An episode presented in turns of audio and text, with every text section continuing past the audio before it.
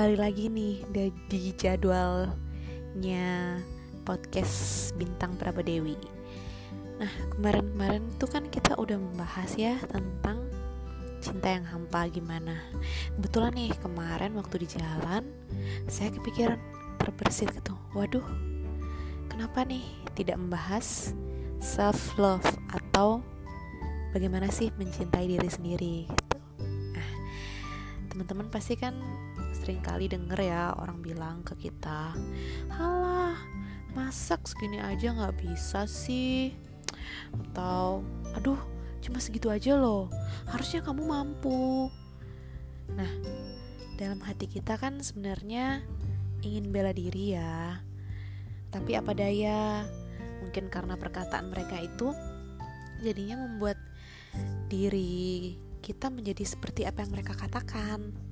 Misalkan sebenarnya diri kita adalah orang yang tidak mudah menyerah, tetapi baru kena sedikit aja kata-kata sentilan ya yang kita anggapnya mungkin itu adalah sebagai suatu hal uh, yang menurunkan menurunkan harga diri kita atau enggak malah itu mungkin sebenarnya mereka niatnya membantu kita untuk uh, untuk bisa bangkit lagi gitu.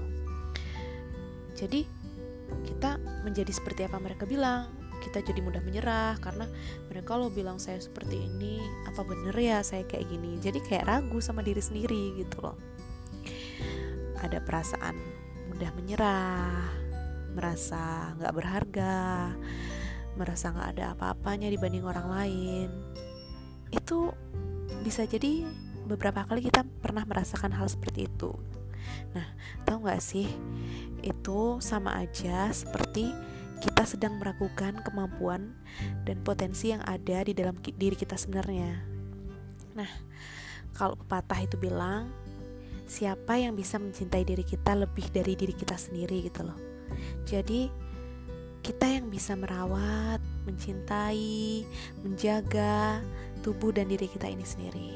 Nah, masuk dari intro tadi itu kalau dalam psikologi ada namanya insecure. Jadi insecure itu adalah sebuah upaya dari emosi yang ada dalam diri kita ketika kita itu memiliki penilaian terhadap diri kita sebagai seorang yang inferior atau kurang dari orang lain. Jadi segala sesuatunya itu lebih uh, kurang banget dari orang lain. Orang lain adalah segala-galanya, sedangkan diri kita itu nggak bisa ngapa-ngapain jadi inferioritas yang kita rasakan itu dalam beberapa hal dapat menghambat kita untuk melaksanakan suatu hal atau melakukan tugas-tugas tertentu karena kita memiliki standar yang harus seperti orang lain gitu loh. Padahal sebenarnya mungkin diri kita memiliki standar tersendiri, punya target tersendiri. Tapi karena melihat pencapaian orang lebih daripada kita, kita menjadi merasa kayak nggak ada apa-apanya dibanding mereka gitu.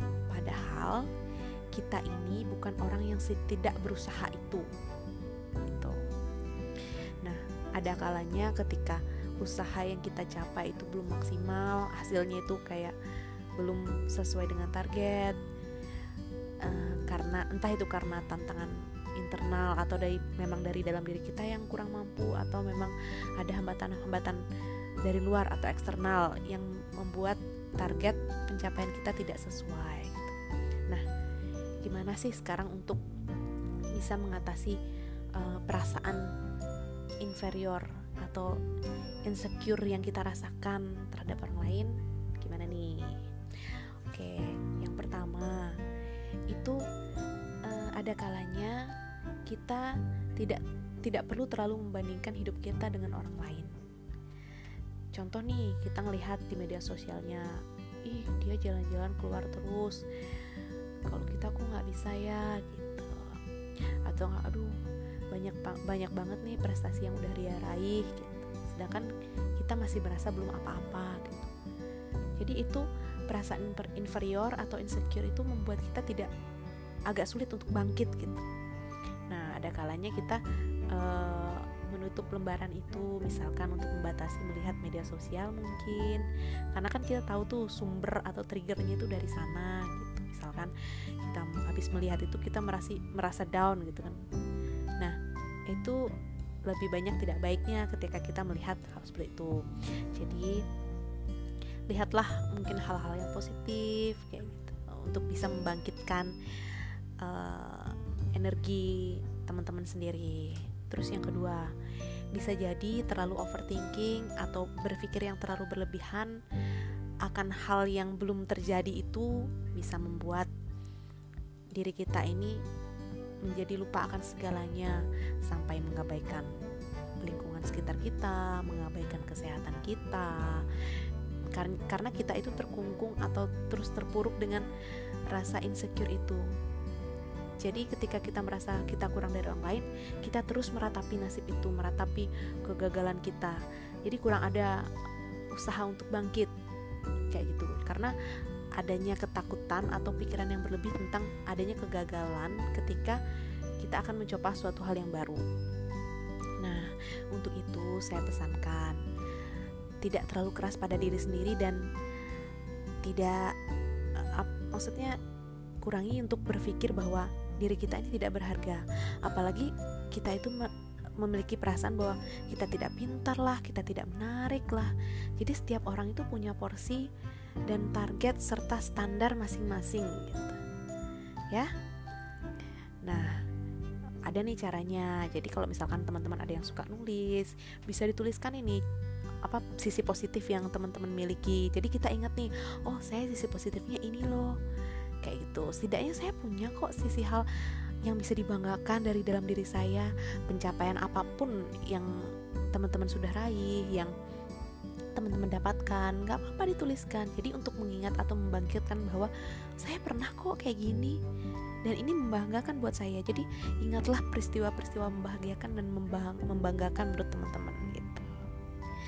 Nah terus yang ketiga di sini tubuh itu kan membutuhkan asupan-asupan hal-hal yang positif gitu jadi uh, kita juga perlu sebenarnya dikelilingi oleh orang-orang yang memiliki energi-energi yang positif.